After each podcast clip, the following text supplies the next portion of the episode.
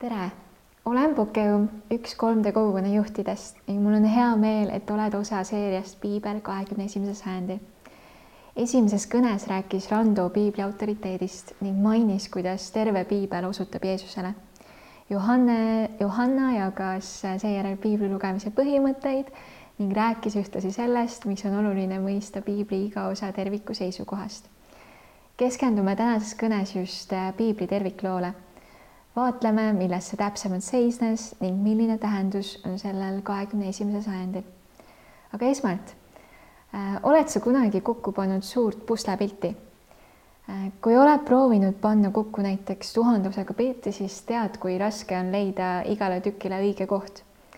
eriti siis, kui puudub arusaam, milline teos tervikuna peaks olema üksik pusletükk aga täidab oma eesmärki siis, kui asetub tervikpildi seisukohast õigesse kohta. sama võiks öelda ka piibli erinevate osadega. oleme seni kuulnud, et piibel koosneb kuuekümne kuuest väga erinevast raamatust. Need raamatud sisaldavad erinevaid jutustusi, seadusi, laule, õpetussõnu ja nii edasi. see aga, et nad kõik koos moodustavad ühe raamatu, ei ole juhuslik kõiki piibliraamatuid läbib nähtamatu niidina üks suur lugu. mõned üksikud lood võivad meile kahekümne esimese sajandi tunduda arusaamatud ja tähtsusetud, kuid kui asetame need sündmused piibli tervikloo raamidesse, mõistame, kuidas see on oluline osa suure loo kujunemisel. seega, mõistes piibli terviklugu, õpime tegelikult tundma Jumalat ennast ja tema südant inimkonna suhtes aga millest see lugu siis räägib? Äh, esmalt piibli tervikloo keskmes ei ole inimesed, vaid Jumal, kes tegutseb läbi erinevate ajastute ja põlvkondade. Jumala südamest ja kavatsusest võime juba mõista piibli esimesi lehekülgi lugedes. esimese Moosese kahes esimeses peatükis loeme, kuidas Jumal lõi kogu maailma, iga elava taime ja olendi.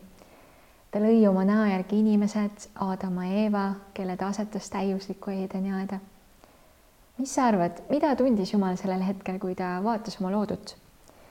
piibli esimeses peatükis ilmneb lausa seitse korda mõte. Jumal nägi, et see oli hea. kui seda fraasi nii palju korratakse, on tõenäoliselt tegu millegi väga olulisega. see justkui annaks meile märku, et Jumal väga-väga rõõmustas kogu loodu üle. Ta osatas oma näo järgi loodud inimese selle kõige hea eest hoolt kandma inimene tegi seda, olles vahetus ja katkematus suhtes Jumalaga ning sai ka ise osaleda aktiivselt loomisprotsessis.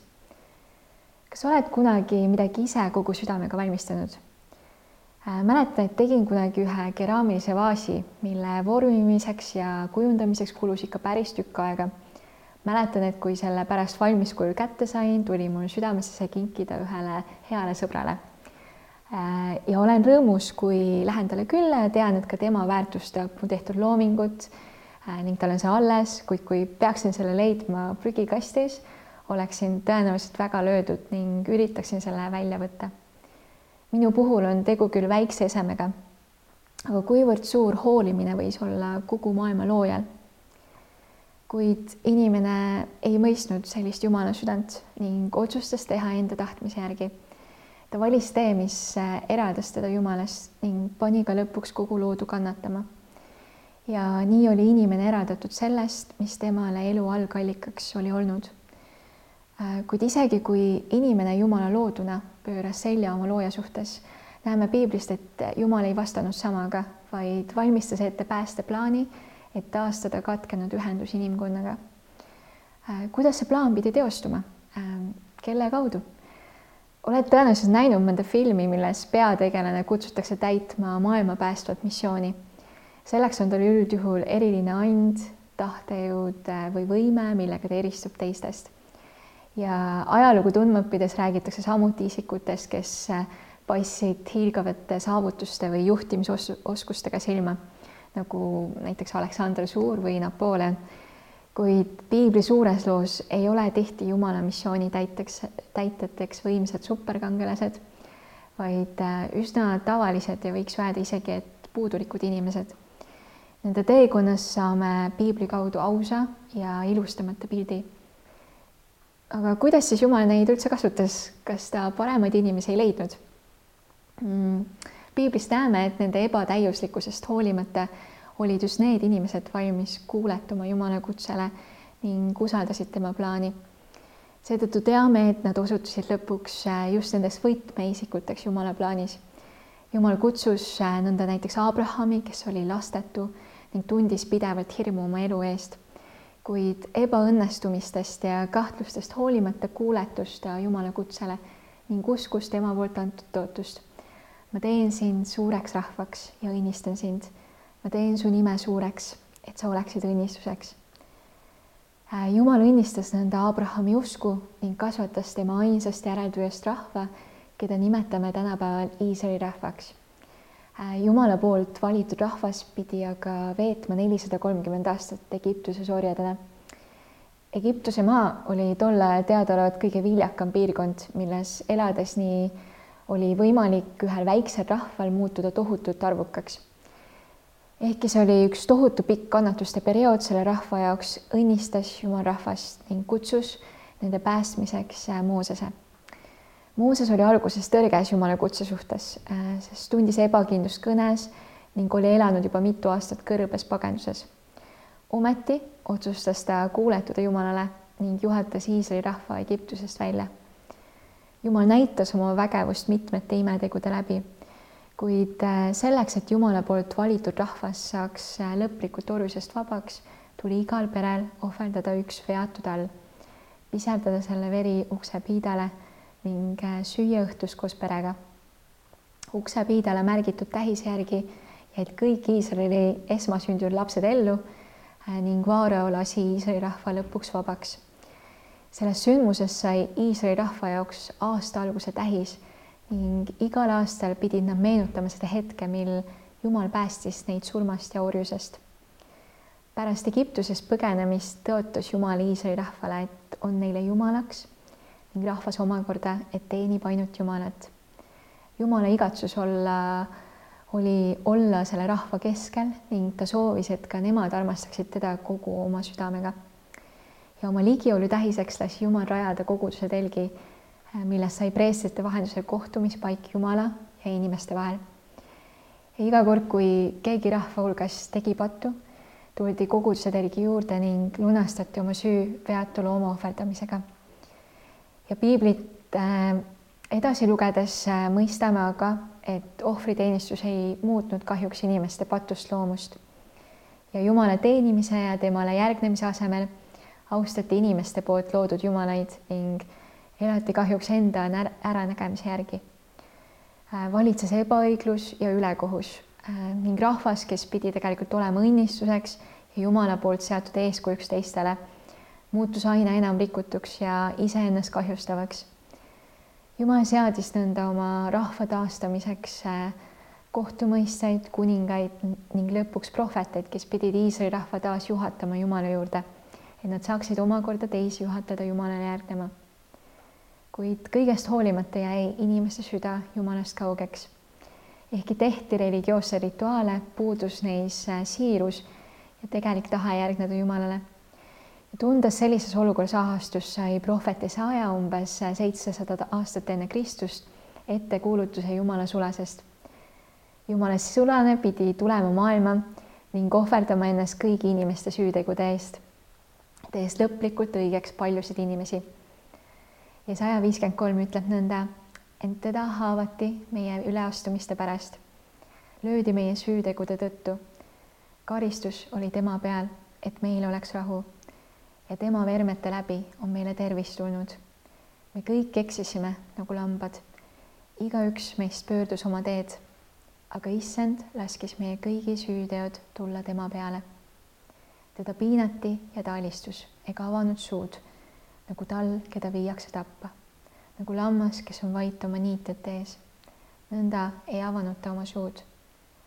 surve ja kohtu läbi võeti ta ära kes tema sugupõlves mõtles sellele, et ta lõigati ära elavate maalt ja teda tabas surm mu rahva üleastumiste pärast.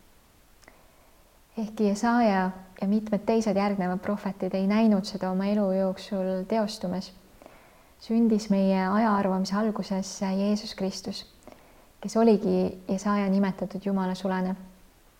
Jeesus tuli Jumala pojana inimese kujul maa peale. ta kuulutas Jumala riiki, tehes imetegusid, tervendades ja õpetades. mõistes, äh, milleks Jeesus on tulnud siia maailma, ütles tema eelkäija ristja Johannes Jeesuse kohta. Vaata, see on Jumala tall, kes kannab ära maailma patu selleks, et teha teoks Jumala lõplik päästeplaan ning äh, taastada katkine ühendus Jumala ja inimeste vahel, pidi Jeesus kannatama ja oma elu ohverdama ristil kogu inimkonna patu eest. Apostel Paulus äh, ütleb kirjas roomlastele, sest kui ühe inimese üleastumise läbi paljud on surnud, siis seda kindlamini on paljudele saanud ülirohkeks Jumala arm ja ainult ühe inimese, Jeesuse Kristuse armu kaudu. kui Aadama ja Eeva otsuse läbi pidid äh, kannatama kõik järgnevad inimpõlved, murdis Jeesus inimesi kinni hoidnud patu, andes oma elu meie eest ning tõustes kolmandal päeval surnuist üles. Jeesus võitis nende surma ja andis inimkonnale taas võimaluse olla Jumalaga igavikulises äh, suhtes kuid äh, sellisest imelisest võimalusest ei olnud äh, mitmed inimesed teadlikud. pärast surnuist ülestõusmist ilmutas Jeesus end jüngritele, sest ta teadis, et nemad on nüüd need, kes viivad missiooni ellu ning kuulutavad rõõmusõnumit äh, kõigile, kes on Jumalast kaugel. oma eriliseks missiooniks andis ta meelevalla teha samu tegusid, nagu Jeesus tegi. jüngrid, kes olid täiesti tavalised inimesed, said pühas vaimus väe julguse ja tarkuse, et juhatada inimesi tulema tagasi Jumala juurde. sest Jumala igatsus on see, et kõik inimesed pääseksid ja tuleksid tõe tundmisele. Jumala tahe on nõnda taastada iga inimesega igavikuline suhe, nõnda et kõik võiksid olla osa Jumala rahvast ja kuningriigist, sõltumata rahvusest, seisusest, soost ja muudest tingimustest. Jumala lõplikust igatsusest maailma ja inimkonna jaoks saame aimu piibli viimast raamatut Johannese ilmutust lugedes. selles on kirjeldatud uut taevast ja maad, mida Jumal ühel päeval taastab. vaata, Jumala telk on inimeste juures ning tema asub nende juurde elama ning nemad saavad tema rahvaiks ning Jumal ise on nende juures, nende Jumalaks. tema pühib ära iga pisara nende silmist ning surma ei ole enam ega leinamist ega kisendamist ning valu ei ole enam, sest endine on möödunud. selles uues taevas ja maas ei ole enam eraldatust Jumala ja inimeste vahel. Pole ebaõiglust, valu ega surma ning kogu loodu saab olla just see, milleks ta on loodud, viibides Jumala palge ees. mõtted võib-olla, et olgu, tundub ilus ja õnnelik jutt, aga kuidas see minuga üldse seostub? on see üldse võimalik? Ehm, praegust maailma vaadates tekib tõesti palju kahtlusi. meie läheduses toimuvaid sündmusi jälgides oleme kõik tõenäoliselt mõelnud ja soovinud, et kannatused, vaene ülekohus võiksid ühel hetkel lõppeda ning inimeste vahel valitseks ühtsus. meie kõigi südametes on tegelikult üks igatsus elada selles paigas, milles poleks valu, ebaõiglust ega hirmu. kuid tahan sulle öelda, et see on ka Jumala igatsus ning hea uudis on see, et sellest on võimalik juba praegu osa saada igaühel, kes võtab Jeesuse oma ellu. olen näinud nii enda kui ka teiste inimeste eludes, kuidas Jumal on taastanud, tervendanud ja andnud inimeste elule uue eesmärgi. oleme olnud selle tunnistajaks kogudusega juba mitmeid aastaid ja koguduse keskel olles olen tihti üllatunud, kuidas Jumal meid kõiki kokku on toonud ehkki oleme kõik väga erinevad nii isiksuse, elukutse, vanuse ja rahvuse poolest, oleme otsustanud Jeesusele järgneda ning see on meid ühendanud nii, et võime olla üks suur pere, mille kõik liikmed täidavad just neile omast olulist rolli ning kannavad samal ajal üksteise eest hoolt. ja Jumala rahva keskel olles olen kogenud, kuidas Jumal on lepitanud ja taastanud nõnda inimestevahelisi suhteid ning toonud ühtsust, mille sarnast pole ma mujal kogenud. olen ise samuti leidnud tähenduse ja eesmärgi oma elule Jeesuse kaudu Jumalat tundma õppides. olin üsna pikka aega olukorras, milles tundsin, et mul puudub suurem eesmärk, mille suunas liikuda. olles proovinud erinevaid asju, omandanud kõrghariduse, elanud välismaal, leidnud hea töö ning saavutanud justkui kõik, kogesin ikka, et ma ei ole päris õiges kohas mu sees oli igatsus teha midagi tähenduslikku ning panustada rohkem asjadesse, mis ei piirduks ainult äh, mu enda heaoluga. ja sellel otsingute teekonnal pani Jumal mu südamesse lapsed ja noored äh, ning õpetaja ameti. see oli aeg, mil pandeemia tõttu pidid kõik koolid minema esmakordselt äh, distantsõppele ning õpetajate koormus oli suur ometi osutus see aeg just hetkeks, mil palvetades ja põhjalikult kaalutledes tundsin südames, et see on mu kutsumus ning otsustasin loobuda oma senisest töökohast. ja sellel hetkel ei teadnud ma, kus ma hakkan edasi töötama ja kuidas see välja näeb ning mitmed mu ümbruskonnas küsisid, et kas olen ikka kindel selles.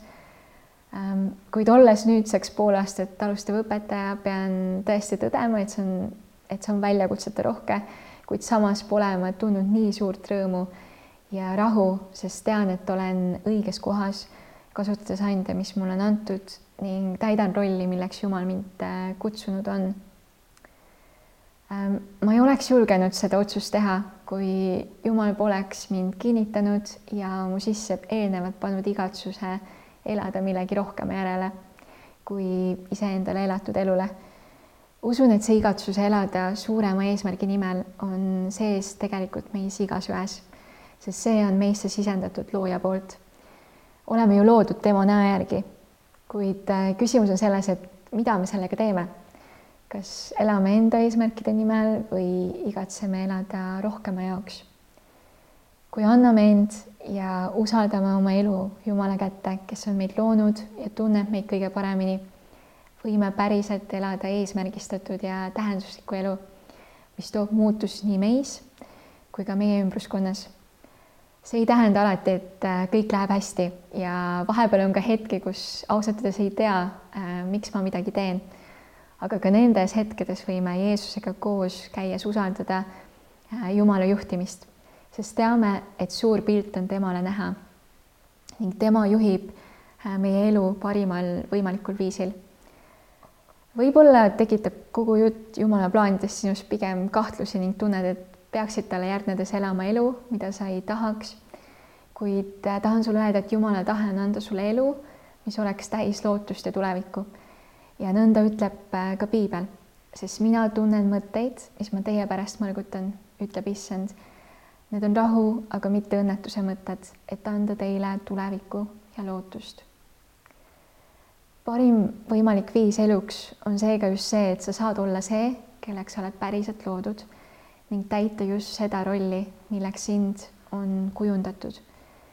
aga seda saame teha siis, kui anname oma elud looja kätte ning järgneme Jeesusele. ja kutsun sind selle tõttu täna usaldama oma elu täielikult tema kätte ning olema osa Jumala suurest imelisest loost. nüüd on sul võimalus võtta hetk, et arutada koos kogukonnaga. ja kui oled üksi, julgustan sind kindlasti liituma mõne kogukonnaga, mille kohta leiad infot veebilehelt. ole õnnistatud